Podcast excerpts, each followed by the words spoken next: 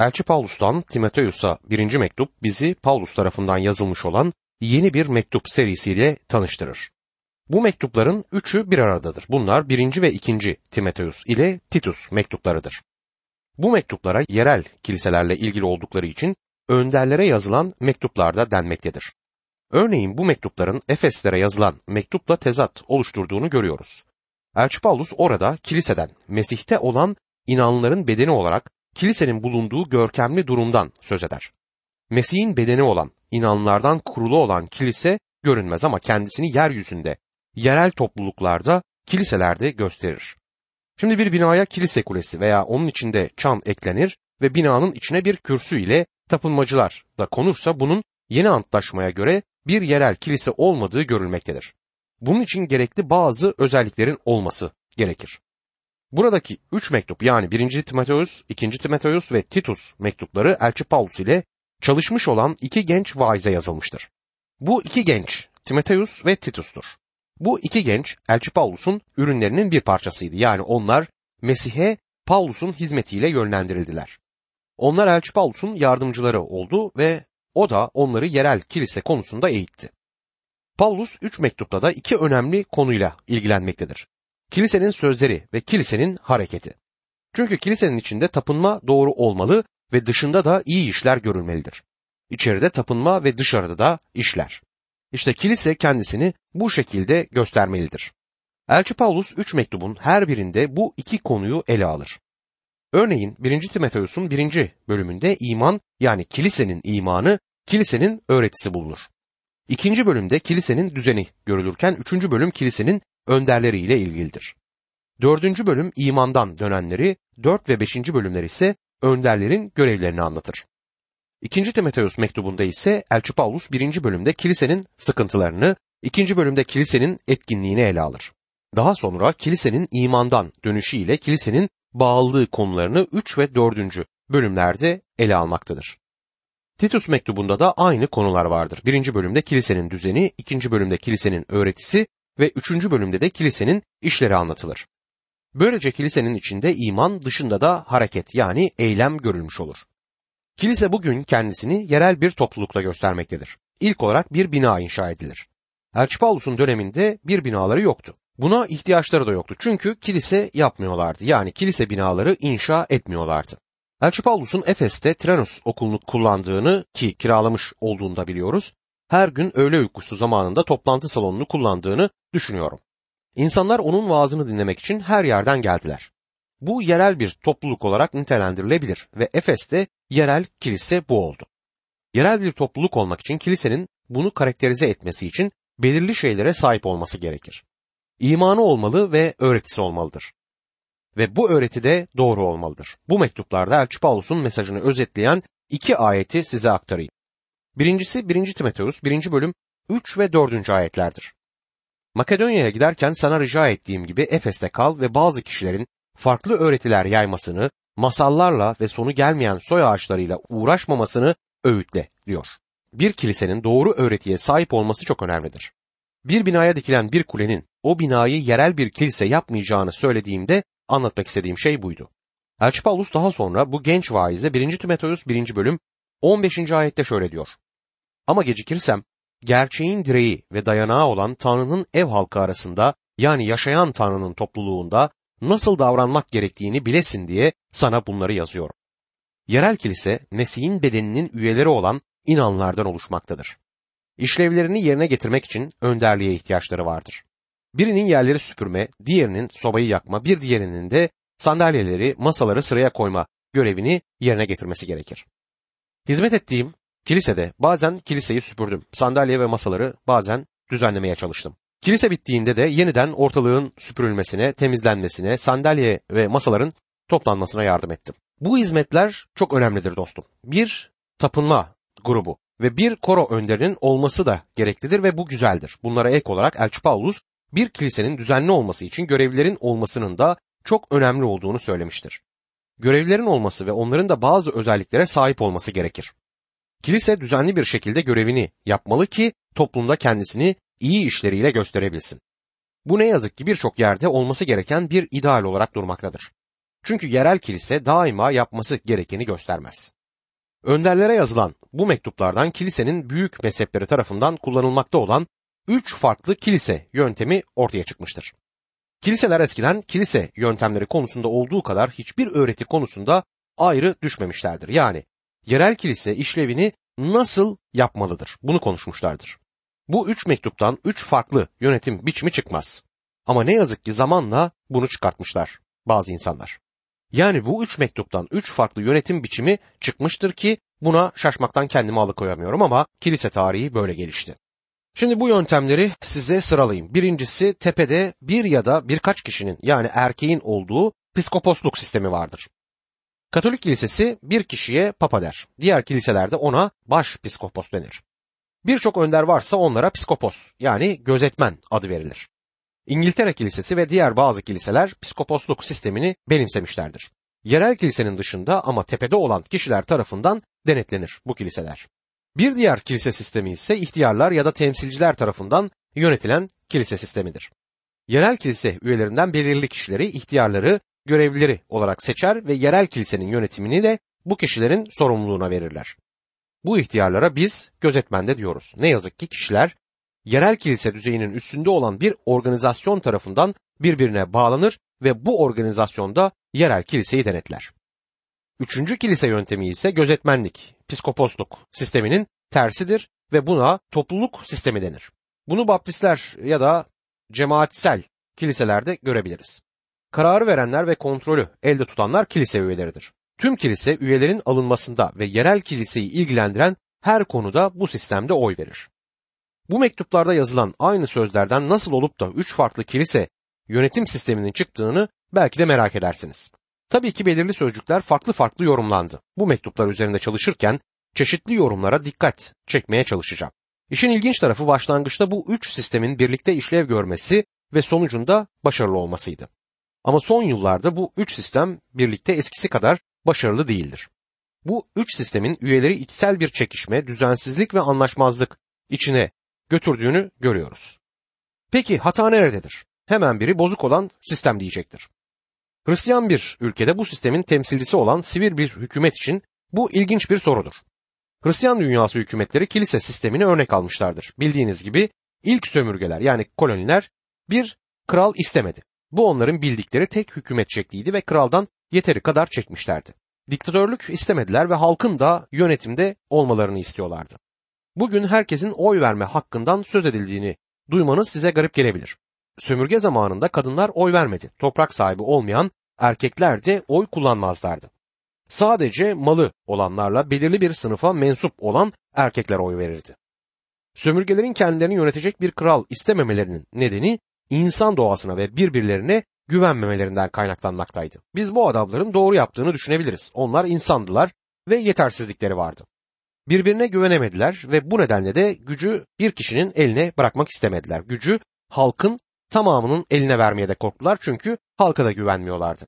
Bu politikacının çoğunluğunun hata yapmayacağını ya da halkın sesi Tanrı'nın sesidir söylemiyle çelişmektedir. Açıkçası bu doğru değildir. O zaman kilise sistemleri neden çalışması gerektiği gibi çalışmıyor. Size şunu söylemek isterim. Umarım söylemek istediğimi yanlış anlamayacaksınız. Net bir şekilde ifade etmeye çalışayım. Elçi Paulus'un bu mektupta yönetim şeklinin önemli olduğunu ama yönetimdeki kişinin karakterinin daha önemli olduğunu söylediğine inanmaktayım. Bu mektuplar görevlilerin ciddi ve tek eşli olması gibi bazı özelliklere sahip olmalarının altını çizer. Aranılan bu özellikler çok önemlidir ve olmazsa olmaz özelliklerdir. Ve yerel kiliselerdeki tartışmaların da konularını bunlar oluşturur. Burada uzun süren önderlik görevimde tartışıldığını hiç duymadığım daha önemli bir şey vardır ki bu da görevliler için en temel olan gerekliliklerdir. Elçi Paulus bize görevlilerin ruhsal olmaları gerektiğini anlatmaya çalışır. Çünkü yetki sahibi olan kişilerin bulunduğu konumdan dolayı doğru olmadığı durumlarda hiçbir sistem işlemez. Eğer bu kişiler doğru değilse sistem ki hangi sistem olursa olsun çalışmayacaktır. Dostum işte sorun budur. Bugün hem siyasetteki hem de kilisedeki sorun budur. Bir kişiyi seçtiğimiz zaman o kişi çağrıldığı görevinde başarılı olmalı ve önderlik yeteneğine de sahip olmalıdır. Bunların aranılması gerektiği iyi özellikler olduğunu düşünüyorum ama özellikle altını çizmek istiyorum.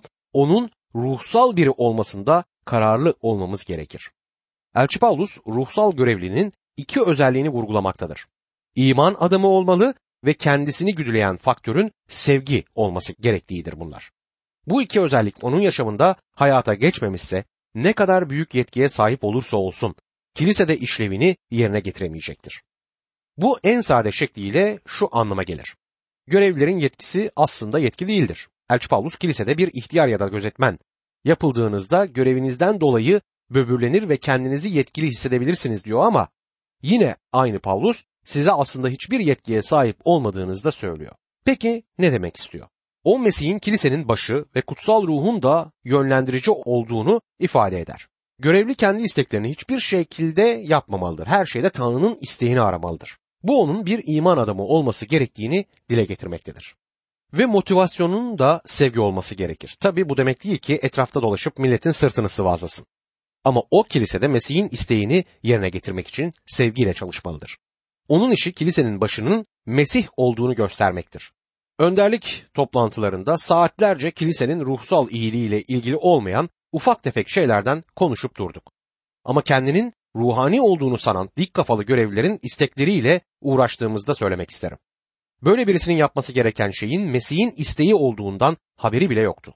Çünkü Mesih'in isteğini aramıyordu. Kendi isteğinin doğru olduğunu sanarak bütün gayretiyle bizzat kendi isteğine hizmet etmekteydi.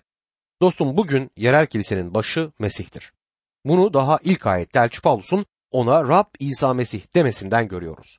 O Rab'dir ve bunun da onun bir numara olduğu anlamına geldiğini hatırlamalıyız. Rab İsa zamanında şöyle dedi. Luka 6. bölüm 46. ayet. Niçin beni ya Rab, ya Rab diye çağırıyorsunuz da söylediklerimi yapmıyorsunuz? Bugün kilisede birçok insan ona Rab diyor ama hiç de onun izinden gitmiyorlar. Kilisede görevli olmak demek Mesih'in isteğini, onun buyruklarını ve onun arzularını yerine getirmek demektir. Yerel kilisenin başı odur. Bugün gerekli olan da bunu önderlerin bilmesidir. Bu nedenle hiç kimseyle kilisesindeki yönetimle ilgili tartışmaya girmenin yararı yoktur. Eğer siz sizinkinin en iyisi olduğunu düşünüyorsanız sorun yok. O yolda ilerlersiniz. Doğru adamlar olduğu takdirde o sistem yürüyecektir. Eğer yanlış kişiler varsa hangi sistem olursa olsun o sistem işlemeyecektir, çalışmayacaktır. Bugünkü Batı dünyasındaki kiliselerde var olan sorun ruhsal olmayan görevlilerden kaynaklanır. Kilisenin işi Rabbi dünyaya göstermek olmasına karşın kilise bu görevi yapmadığından Mesih'i göremeyişimizin nedeni de budur. 1. Timoteus'ta yerel kilisenin gerçek yüzünü görüyoruz. Tabi burada kilisenin gerçekten Rab İsa Mesih'in kilisesi olup olmadığına karar verecek olan önderlerinin karakterleriyle kapasitelerinin etkisi olduğu için bu özellikler son derece dikkatlice vurgulanmaktadır. Şimdi size 1. Timoteus'a mektubun ana hatlarını aktarayım. Kilisenin imanı konu edilir birinci bölümde. Giriş vardır ve yanlış öğretiye karşın uyarılar 1. bölüm 3 ila 10. ayetler arasındadır. Elçi Paulus'un kişisel tanıklığı 1. bölüm 11 ila 17. ayetler arasında anlatılırken Timoteus'a verilen emanet 1. bölüm 18 ila 20. ayetler arasında anlatılmaktadır. 1. Timoteus mektubunun ikinci ana hattı dua ve kadının kilisedeki yeridir. Dua ve tapınma 2. bölüm 1 ila 7. ayetler arasında anlatılırken erkeklerin nasıl dua etmesi gerektiği 2. bölüm 8. ayette, kadınların nasıl dua etmeleri gerektiği ise 2. bölüm 9 ila 15. ayetler arasındadır. Kiliselerdeki görevliler mektubun 3. ana bölümünü oluşturur. İhtiyarlarda yani gözetmenlerde aranacak özellikler 3. bölüm 1 ila 7. ayetler arasında anlatılırken 3. bölüm 8 ila 13. ayetlerde kilise görevlileri için aranacak özellikler anlatılır. Elçi Paulus'un Timoteus'a verdiği rapor ise 3. bölüm 14 ila 16. ayetlerde yer almaktadır. 1. Timoteus mektubunun dördüncü ana konusu ise kiliselerdeki imandan dönüştür. Elçilerin görevleri ve yapmaları gerektiği 4. bölüm 1. ila 5. ayetler arasında anlatılırken 4. bölümde 6 ila 16. ayetlerde imandan dönüş zamanında iyi görevlinin ne yapması gerektiği anlatılır. 5. ve son temel nokta ise kilise görevlilerinin görevleridir. Ki bu 5 ve 6. bölümlerde anlatılır. Görevlilerin yerel kilisedeki farklı gruplarla ilişkileri, imanların başkalarıyla olan ilişkileri 5 ve 6. bölümlerde 1. Timoteus mektubunda anlatılacaktır. 1. Timoteus 1. bölümün konusu kilisenin imanıdır. Elçi Paulus'un burada yaptığı vurgu kilisenin öğretisi konusunda yapılan bir ifadeden çok yerel kilisenin sahte öğretmenlere karşı uyarılmasıyla ilgili olacaktır. Tanrı'nın lütfunun müjdesinin öğretide merkez ve Mesih'in kişiliğiyle ilgili olduğunun altı birinci bölümde çizilecektir. Birinci Timoteus'a mektubun girişi Elçi Paulus'un diğer mektuplarına benzemez. Belki siz hepsinin aynı olduğunu düşünebilirsiniz ama önderlere yazılan mektupların girişleri biraz farklıdır. Bir yorumcu olan Doktor Martin Vincent, 1. Timoteus'taki selamlamanın Elçi Paulus'un genel selamlamasıyla bir paralellik göstermediğini söylemiştir. 1. Timoteus 1. bölüm 1 ve 2. ayetlerde şöyle yazar. Kurtarıcımız Tanrı'nın ve umudumuz Mesih İsa'nın buyruğuyla, Mesih İsa'nın elçisi atanan ben Paulus'tan, imanda öz oğlum olan Timoteus'a selam. Baba Tanrı'dan ve Rabbimiz Mesih İsa'dan size lütuf, merhamet ve esenlik olsun. Kurtarıcımız Tanrı'nın ve umudumuz Mesih İsa'nın buyruğuyla Mesih İsa'nın elçisi ben Paulus diyor. Elçi Paulus Timoteus'a yazarken elçiliğini dile getirir ve bunu daha önce de örneğin Efesliler 1. bölüm 1. ayette de yapmıştır. Tanrı'nın isteğiyle Mesih İsa'nın elçisi atanan ben Paulus'tan Efes'te bulunan kutsallara Mesih İsa'ya ait olan sadıklara selam der. Peki Tanrı'nın buyruğuyla isteği arasındaki fark nedir? Tanrı'nın isteğiyle Tanrı'nın buyruğu aynıdır ama birbirlerinin yerine kullanılamaz. Kutsal kitapta gördüğümüz buyrukların hepsi Tanrı'nın isteğini gösterir. Bu on buyruktan daha çoğunu içermektedir. Örneğin, dua etmemiz Tanrı'nın isteğidir. 1. Selanikler 5. bölüm 17 ve 18. ayetlerde sürekli dua edin, her durumda şükredin çünkü Tanrı'nın Mesih İsa'da sizin için isteği budur der. Selaniklere mektupta Tanrı'nın dua etmemizi istediğini, bunun Tanrı'nın isteği olduğunu anlıyoruz. Tanrı'nın isteği olan pek çok şey vardır ve bunlar onun buyruklarında ifade edilir. Ancak onların Tanrı'nın isteğinin hepsini bize gösterdiğini zannetmiyorum. Hatta kutsal yazılardaki buyrukların toplamının bile Tanrı'nın isteğinin hepsini gösterdiğini zannetmiyorum. Dolayısıyla Tanrı'nın isteği Tanrı'nın buyruğundan daha kapsamlı bir terimdir. Ne var ki şunu anımsamakta fayda var. Onlar bize insanın Tanrı buyruklarına itaat ederek kurtulmadığını bilecek kadar Tanrı'nın isteğini göstermiştir. Bugün kurtuluşumuz için yasanın önemli olduğunu söyleyenlere karşı bunu tekrarlamakta yarar görüyorum. Bu bölümün 8. ayetinde Elçi Paulus şöyle yazıyor. Yasayı özüne uygun biçimde kullanan için yasanın iyi olduğunu biliyoruz. Peki yasayı nasıl kullanmalıyız? İlkin yasanın iyi olduğunu görmemiz gerekir. Romalılar 7. bölüm 12. ayette işte böyle. Yasa gerçekten kutsaldır. Buyruk da kutsal, doğru ve iyidir der. Yasanın iyi olduğu ve insandan da sonsuz iyiliği ki insana hiçbir iyilik yoktur, talep ettiği ve günahkarların da buna itaat edemediği bir gerçektir. Elçi Paulus Romalılar 7. bölüm 18. ayette içimde yani benliğimde iyi bir şey bulunmadığını biliyorum. İçimde iyi yapmaya istek var ama güç yok diyor. Tanrı'nın yasası ya da buyrukları Tanrı'nın isteğini açığa çıkartmak, günahkarların kurtulması için mükemmel bir yasaya itaatinden başka bir yolu aramaması gerekli olduğunu göstermek ve yasayı yasal olarak kullanmanın böyle olduğunu anlamak için verildi. Müjdenin görkemini Tanrı'nın adil ve İsa'ya inananın aklayıcısı olma yolu oluşturmaktadır. Elçi Paulus elçilerin işlerinde, elçilerin işleri 13. bölüm 38 ve 39. ayetlerde şöyle yazar. Dolayısıyla kardeşler şunu bilin ki günahkarların bu kişi aracılığıyla bağışlanacağı size duyurulmuş bulunuyor. Şöyle ki, iman eden herkes Musa'nın yasasıyla aklanamadığınız her suçtan onun aracılığıyla aklanır. Musa'nın yasasıyla neden aklanamadılar? Çünkü ölümün hizmetindeydi bu yasa. Yasa onları suçladı. Yasa bizim kurtulmamız için değildir. Tanrı'nın kutsal olduğunu ve sizinle benim kutsal olmadığımızı göstermek için yasa verildi. Tanrı bizi çarmıh yoluyla İsa Mesih'in yoluyla kurtardı. İsa Mesih Yuhanna 14. bölüm 6. ayette Yol, gerçek ve yaşam benim dedi. Tanrı'ya giden yol yasadan değil Mesih'ten geçer. 1. Timoteus 1. bölüm 1. ayette Elçi Paulus Tanrı buyruğuyla Mesih İsa'nın elçisi atanan ben Paulus der. Elçi Paulus Efeslere kendisinin Tanrı'nın isteğiyle elçi atandığını yazdığında gerçeği yazdı ama genç vaiz Timoteus'a yazdığında Tanrı'nın buyruğuyla elçi atandım diyor. Sadece bugün Tanrı'nın isteğinde olduğum için elçi değilim. Elçi olmamı buyurduğu zaman elçi oldum diyor. Sanırım Paulus elçi olmak için can atmıyordu.